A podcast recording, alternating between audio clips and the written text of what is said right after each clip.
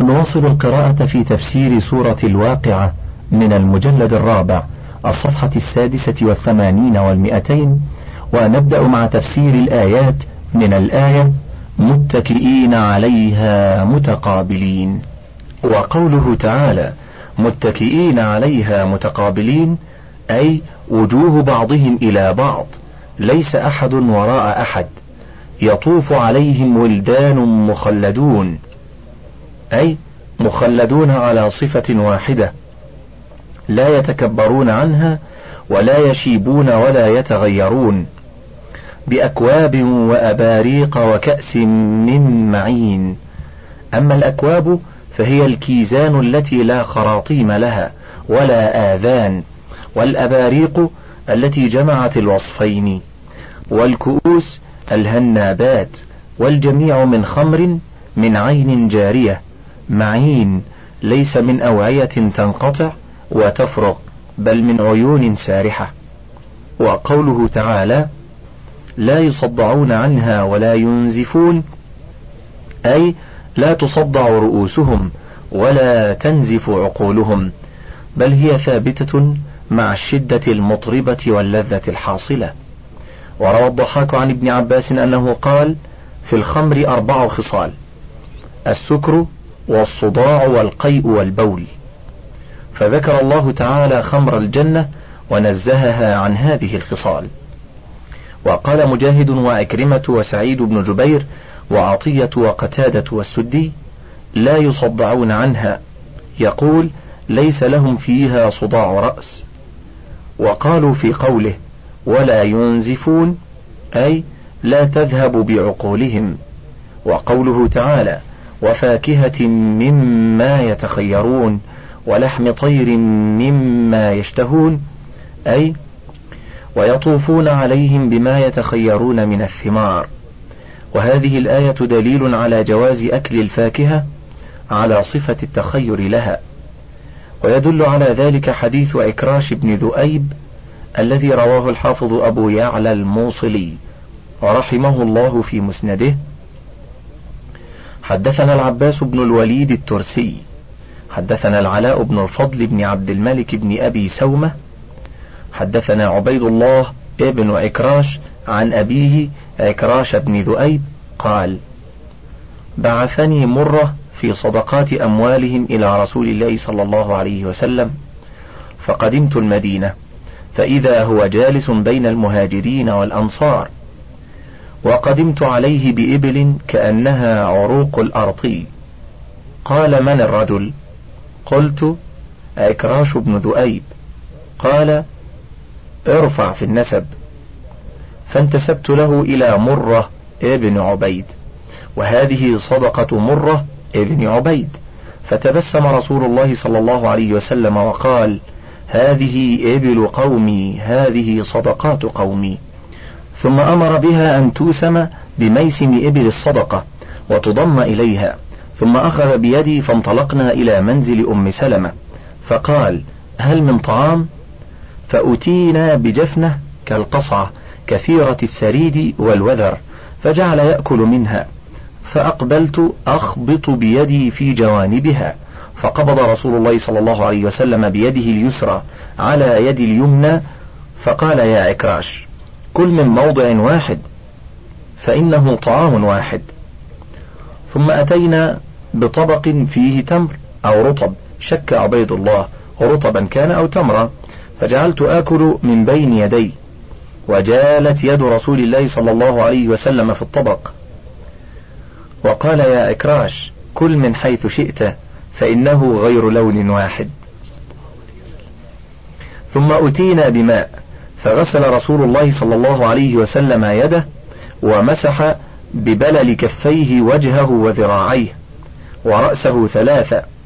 ثم قال يا عكراش هذا الوضوء مما غيرت النار. وهكذا رواه الترمذي مطولا وابن ماجة جميعا عن محمد بن بشار عن أبي الهذيل العلاء بن الفضل به. وقال الترمذي غريب لا نعرفه إلا من حديثه. وقال الإمام أحمد حدثنا بهز بن أسد وعفان. وقال الحافظ أبو يعلى حدثنا شيبان قالوا حدثنا سليمان بن المغيرة حدثنا ثابت. قال قال أنس كان رسول الله صلى الله عليه وسلم تعجبه الرؤيا.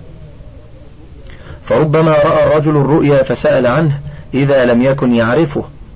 فإذا أثنى عليه معروف كان أعجب لرؤياه إليه فأتته امرأة فقالت يا رسول الله رأيت كأني أتيت فأخرجت من المدينة فأدخلت الجنة فسمعت وجبة انتحبت لها الجنة فنظرت فإذا فلان ابن فلان وفلان ابن فلان فسمت اثني عشر رجلا كان النبي صلى الله عليه وسلم قد بعث سرية قبل ذلك فجيء بهم عليهم ثياب طلس تشخب أوداجهم. فقيل اذهبوا بهم إلى نهر البيدخ أو البيذخ. قال فغمسوا فيه. فخرجوا ووجوههم كالقمر ليلة البدر. فأتوا بصحفة من ذهب. فيها بسر. فأكلوا من بسره ما شاءوا. فما يقلبونها من وجه إلا أكلوا من الفاكهة ما أرادوا. وأكلت معهم. فجاء البشير من تلك السرية.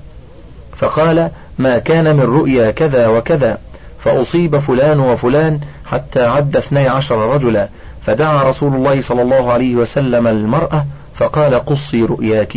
فقصتها وجعلت تقول فجيء بفلان وفلان كما قال.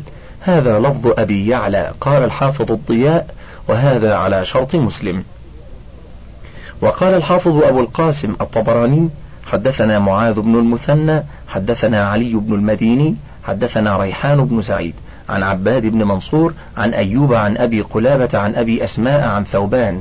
قال قال رسول الله صلى الله عليه وسلم إن الرجل إذا نزع ثمرة من الجنة عادت مكانها أخرى.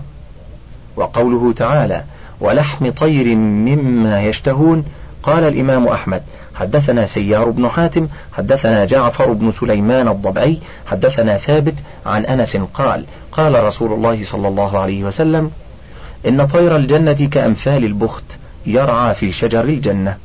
فقال أبو بكر يا رسول الله إن هذه لطير ناعمة. فقال آكلها أنعم منها. قالها ثلاثة وإني لأرجو أن تكون ممن يأكل منها. انفرد به أحمد من هذا الوجه. وروى الحافظ أبو عبد الله المقدسي في كتابه صفة الجنة من حديث إسماعيل بن علي الحطمي عن أحمد بن علي عن أحمد بن علي الحيوطي عن عبد الجبار بن عاصم عن عبد الله بن زياد عن زرعة عن نافع عن ابن عمر قال ذكرت عند النبي صلى الله عليه وسلم طوبى. فقال رسول الله صلى الله عليه وسلم يا أبا بكر هل بلغك ما طوبى قال الله ورسوله أعلم. قال طوبى شجرة في الجنة ما يعلم طولها إلا الله يسير الراكب تحت غصن من أغصانها سبعين خريفا. ورقها الحلل يقع عليها الطير كأمثال البخت. فقال أبو بكر يا رسول الله إن هناك لطيرا ناعما؟ قال أنعم منه من يأكله. وأنت منهم إن شاء الله تعالى. وقال قتادة في قوله تعالى ولحم طير مما يشتهون وذكر لنا أن أبا بكر قال يا رسول الله إني أرى طيرها ناعمة كأهلها ناعمون قال من يأكلها والله يا أبا بكر أنعم منها وإنها لأمثال البخت وإني لأحتسب على الله أن تأكل منها يا أبا بكر وقال أبو بكر ابن أبي الدنيا حدثني مجاهد بن موسى حدثنا معن بن عيسى حدثني ابن أخي بن شهاب عن أبيه عن أنس بن مالك أن رسول الله صلى الله عليه وسلم سئل عن الكوثر فقال نهر أعطانيه ربي عز وجل في الجنة أشد بياضا من اللبن وأحلى من العسل فيه طيور أعناقها يعني كأعناق الجزر. فقال عمر إنها لناعمة. قال رسول الله صلى الله عليه وسلم آكلها أنعم منها.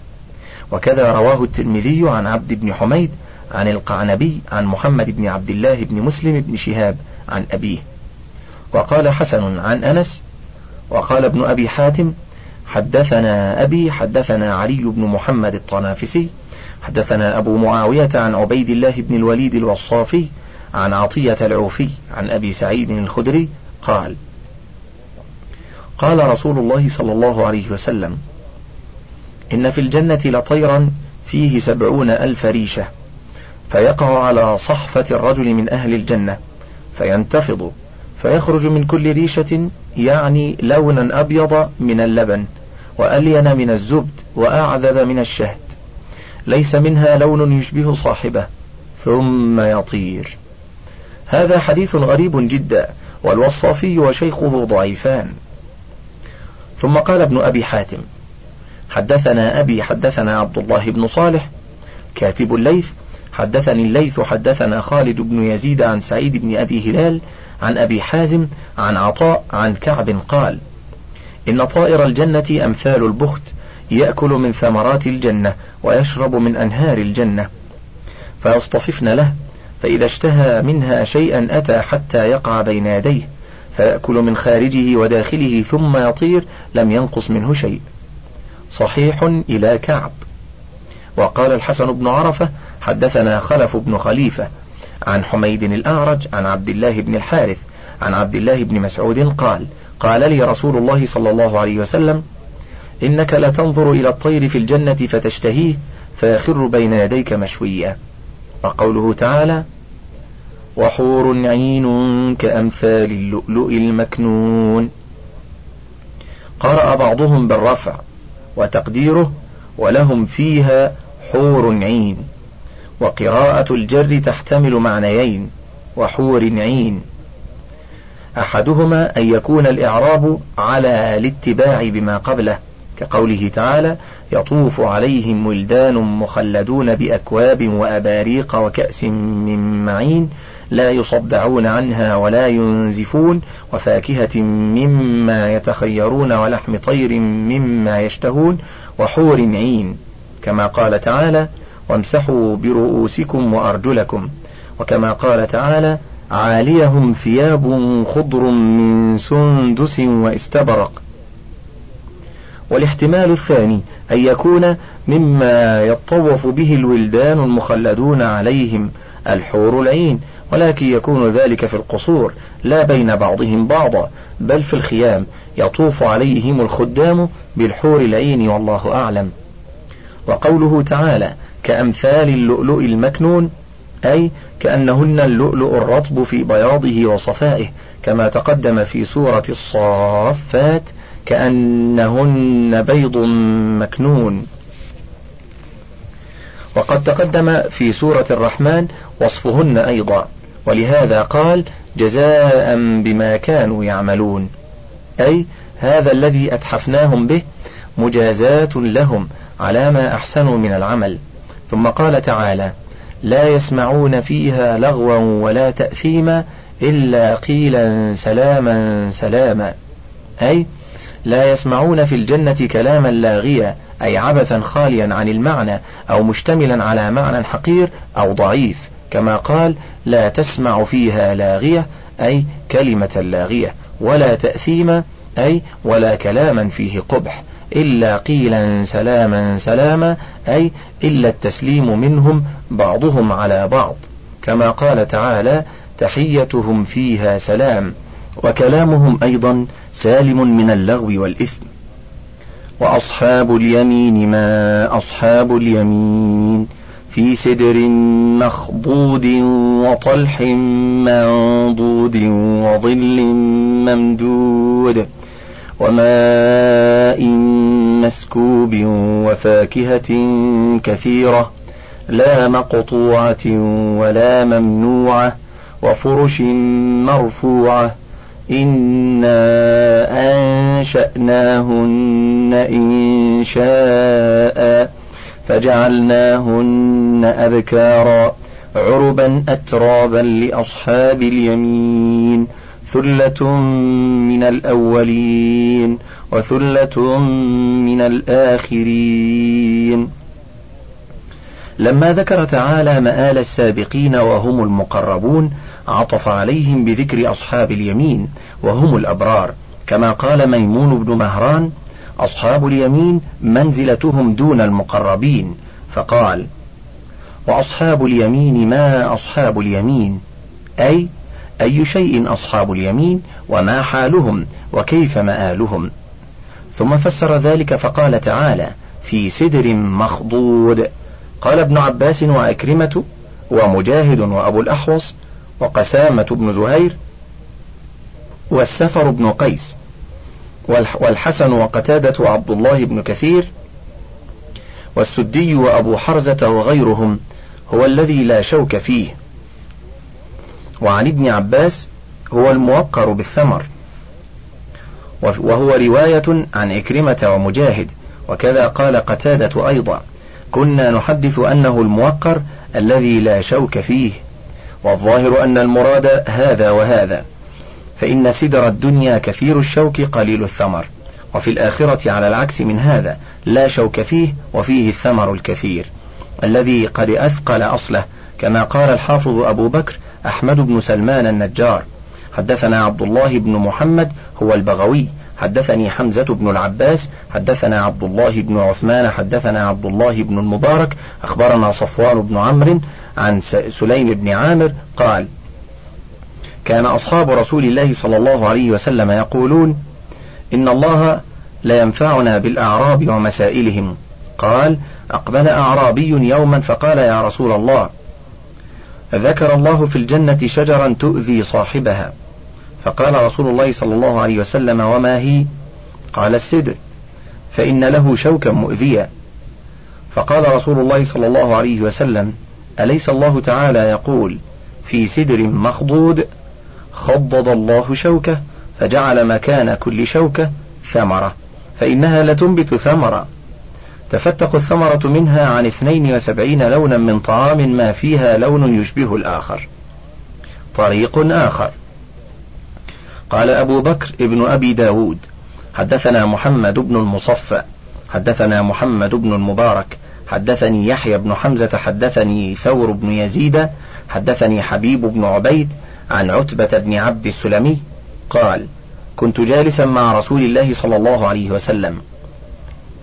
فجاء أعرابي فقال يا رسول الله أسمعك تذكر في الجنة شجرة لا أعلم شجرا أكثر شوكا منها.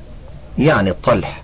فقال رسول الله صلى الله عليه وسلم إن الله يجعل مكان كل شوكة منها ثمرة مثل خصوة التيس الملبود فيها سبعون لونا من الطعام لا يشبه لون الآخر. وقوله وطلح منضود الطلح شجر عظام يكون بأرض الحجاز من شجر العضاء واحدته طلحة وهو شجر كثير الشوك. وأنشد ابن جرير لبعض الحداة بشرها دليلها وقال غدا ترين الطلح والجبال وقال مجاهد منضود أي متراكم الثمر يذكر بذلك قريشا لأنهم كانوا يعجبون من وج وظلاله من طلح وسدر. وقال السدي منضود مصفود. قال ابن عباس يشبه طلح الدنيا ولكن له ثمر أحلى من العسل. قال الجوهري والطلح لغة في الطلع. قلت وقد روى ابن أبي حاتم من حديث الحسن بن سعد عن شيخ من همدان قال سمعت عليا يقول هذا الحرف في طلح منضود؟ قال طلع منضود. فعلى هذا يكون من صفة السدر. فكأنه وصفه بأنه مخضوض وهو الذي لا شوك فيه وأن طلعه منضود وهو كثرة ثمره والله أعلم.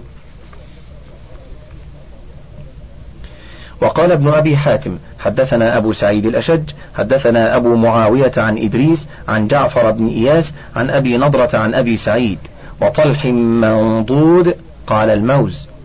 قال وروي عن ابن عباس وأبي هريرة والحسن وعكرمة وقسامة بن زهير وقتادة وأبي حرزة مثل ذلك وبه قال مجاهد وابن زيد وزاد فقال أهل اليمن يسمون الموز الطلح ولم يحك ابن جرير غير هذا القول وقوله تعالى وظل ممدود قال البخاري. حدثنا علي بن عبد الله حدثنا سفيان عن أبي الزناد عن الأعرج عن أبي هريرة يبلغ به النبي صلى الله عليه وسلم قال إن في الجنة شجرة يسير الراكب في ظلها مئة عام لا يقطعها. اقرأوا إن شئتم وظل ممدود. ورواه مسلم من حديث الأعرج به. وقال الإمام أحمد حدثنا شريح حدثنا فليح عن هلال بن علي عن عبد الرحمن بن أبي عمرة عن أبي هريرة قال قال رسول الله صلى الله عليه وسلم إن في الجنة شجرة يسير الراكب في ظلها مئة عام. اقرأوا إن شئتم وظل ممدود. وكذا رواه مسلم من حديث الأعرج به. وكذا رواه البخاري عن محمد بن سفيان عن فليح به. وكذا رواه عبد الرزاق عن معمر عن همام بن منبه عن أبي هريرة. وكذا رواه حماد بن سلمة عن محمد بن زياد عن أبي هريرة والليث بن سعد عن سعيد المقبري عن أبيه عن أبي هريرة وعوف عن ابن سيرين عن أبي هريرة به. وقال الإمام أحمد حدثنا محمد بن جعفر وحجاج قال حدثنا شعبة سمعت أبا الضحاك يحدث عن أبي هريرة عن رسول الله صلى الله عليه وسلم أنه قال إن في الجنة شجرة يسير الراكب في ظلها سبعين أو مئة سنة هي شجرة الخلد. وقال ابن أبي حاتم حدثنا أحمد بن سنان حدثنا يزيد بن هارون عن محمد بن عمرو عن أبي سلمة عن أبي هريرة عن رسول الله صلى الله عليه وسلم قال في الجنة شجرة يسير الراكب في ظلها مئة عام ما يقطعها واقرأوا إن شئتم وظل ممدود إسناد جيد ولم يخرجوه. وهكذا رواه ابن جرير عن أبي كريب عن عبدة وعبد الرحيم والبخاري كلهم عن محمد بن عمرو به وقد رواه الترمذي من حديث عبد الرحيم بن سليمان به. وقال ابن جرير حدثنا ابن حميد حدثنا مهران حدثنا إسماعيل بن أبي خالد عن زياد مولى بني مخزوم عن أبي هريرة قال إن في الجنة لشجرة يسير الراكب في ظلها مئة عام اقرأوا إن شئتم وظل ممدود. فبلغ ذلك كعبا فقال صدق. والذي أنزل التوراة على موسى والفرقان على محمد لو أن رجلا ركب حقة أو جذعة ثم دار بأعلى تلك الشجرة ما بلغها حتى يسقط هرما إن الله تعالى غرسها بيده ونفخ فيها من روحه. وإن أفنانها لمن وراء سور الجنة. وما في الجنة نهر إلا وهو يخرج من أصل تلك الشجرة. وقال الحافظ أبو يعلى الموصلي حدثنا محمد بن منهال الضرير. حدثنا يزيد بن زريع عن سعيد بن أبي عروبة عن قتادة عن أنس عن النبي صلى الله عليه وسلم في قول الله تعالى وظل ممدود قال في الجنة شجرة يسير الراكب في ظلها مئة عام لا يقطعها وكذا رواه البخاري عن روح بن عبد المؤمن عن يزيد بن زريع. وكذا رواه أبو داود الطيالسي عن عمران بن داود القطان عن قتادة به وكذا رواه معمر وأبو هلال عن قتادة به. وقد أخرج البخاري ومسلم من حديث أبي سعيد وسهل بن سعد عن رسول الله صلى الله عليه وسلم قال إن في الجنة شجرة يسير الراكب الجواد المضمر السريع مئة عام ما يقطعها. فهذا حديث ثابت عن رسول الله صلى الله عليه وسلم بل متواتر. مقطوع بصحته عند أئمة الحديث النقاد لتعدد طرقه وقوة أسانيده وثقة رجاله.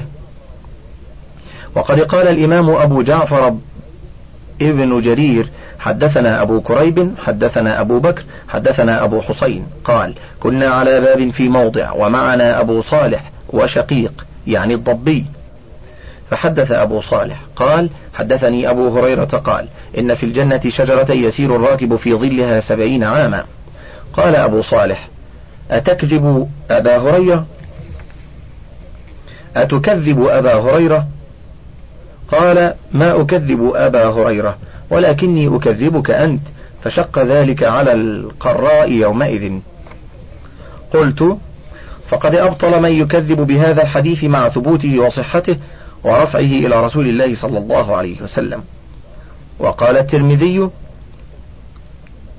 حدثنا أبو سعيد الأشج حدثنا زياد بن الحسن بن الفرات القزاز عن أبيه عن جده عن أبي حازم عن أبي هريرة قال قال رسول الله صلى الله عليه وسلم ما في الجنة شجرة إلا ساقها من ذهب. ثم قال حسن غريب. وقال ابن أبي حاتم حدثنا الحسن بن أبي الربيع حدثنا أبو عامر العقدي عن زمعة بن صالح عن سلمة بن وهرام عن عكرمة عن ابن عباس قال الظل الممدود شجرة في الجنة على ساق ظلها قدر ما يسير الراكب في كل نواحيها مئة عام. قال فيخرج إليها أهل الجنة أهل الغرف وغيرهم فيتحدثون في ظلها. قال فيشتهي بعضهم ويذكر لهو الدنيا فيرسل الله ريحا من الجنة فتحرك تلك الشجرة بكل لهو في الدنيا. هذا أثر غريب وإسناده جيد قوي حسن. وقال ابن أبي حاتم حدثنا أبو سعيد الأشج حدثنا ابن يمان حدثنا أبو سفيان حدثنا أبو إسحاق عن عمرو بن ميمون في قوله تعالى وظل ممدود. قال سبعون ألف سنة. وكذا رواه ابن جرير عن بندار عن ابن مهدي عن سفيان مثله. ثم قال ابن جرير حدثنا ابن حميد حدثنا مهران عن سفيان عن أبي إسحاق عن عمرو بن ميمون وظل ممدود قال خمسمائة ألف سنة. وقال ابن أبي حاتم حدثنا أبي حدثنا أبو الوليد الطيالسي حدثنا حسين بن نافع عن الحسن في قول الله تعالى وظل ممدود قال في الجنة شجرة يسير الراكب في ظلها مئة سنة لا يقطعها. وقال عوف عن الحسن بلغني أن رسول الله صلى الله عليه وسلم قال إن في الجنة لشجرة يسير الراكب في ظلها مئة عام لا يقطعها. رواه ابن جرير. وقال شبيب عن عكرمة عن ابن عباس في الجنة شجر لا يحمل يستظل به. رواه ابن أبي حاتم. وقال الضحاك والسدي وأبو حرزة في قوله تعالى وظل ممدود. لا ينقطع ليس فيها شمس ولا حر. مثل قبل طلوع الفجر. وقال ابن مسعود الجنة سجسج كما بين طلوع الفجر إلى طلوع الشمس. وقد تقدمت الآيات كقوله تعالى وندخلهم ظلا ظليلا وقوله أكلها دائم وظلها وقوله في ظلال وعيون إلى غير ذلك من الآيات. وقوله تعالى وماء مسكوب. قال الثوري يجري في غير أخدود. وقد, تكل وقد تقدم الكلام عند تفسير قوله تعالى فيها أنهار من ماء غير آس. الآية بما أغنى عن إعادته ها هنا. وقوله تعالى وفاكهة كثيرة لا مقطوعة ولا ممنوعة. أي وعندهم من الفواكه الكثيرة المتنوعة في الألوان مما لا عين رأت ولا أذن سمعت ولا خطر على قلب بشر. كما قال تعالى كلما رزقوا منها من ثمرة رزقا قالوا هذا الذي رزقنا من قبل وأتوا به متشابها. أي يشبه الشكل الشكل ولكن الطعم غير الطعم. وفي الصحيحين في ذكر سدرة المنتهى فإذا ورقها كآذان الفيلة ونبقها مثل قلال هجر. وفيهما أيضا من حديث مالك عن زيد عن عطاء بن يسار عن ابن عباس قال خسفت الشمس فصلى رسول الله صلى الله عليه وسلم والناس معه فذكر الصلاة. وفيه قالوا يا رسول الله رأيناك تناولت شيئا في مقامك هذا. ثم رأيناك تكعكعت. قال إني رأيت الجنة فتناولت منها عنقودا ولو أخذته لأكلتم منه ما بقيت الدنيا. وقال الحافظ أبو يعلى حدثنا أبو خيثمة حدثنا عبد الله بن جعفر حدثنا عبيد الله حدثنا أبو عقيل عن جابر قال بينا نحن في صلاة الظهر. إذ تقدم رسول الله صلى الله عليه وسلم فتقدمنا معه ثم تناول شيئا ليأخذه ثم تأخر فلما قضى الصلاة قال له أبي بن كعب يا رسول الله صنعت اليوم في الصلاة شيئا ما كنت تصنعه. قال إنه عرضت علي الجنة وما فيها من الزهرة والنضرة فتناولت منها قطفا من عنب لآتيكم به فحيل بيني وبينه. ولو أتيتكم به لأكل منه من بين السماء والأرض لا ينقص منه. من فضلك تابع بقية المادة.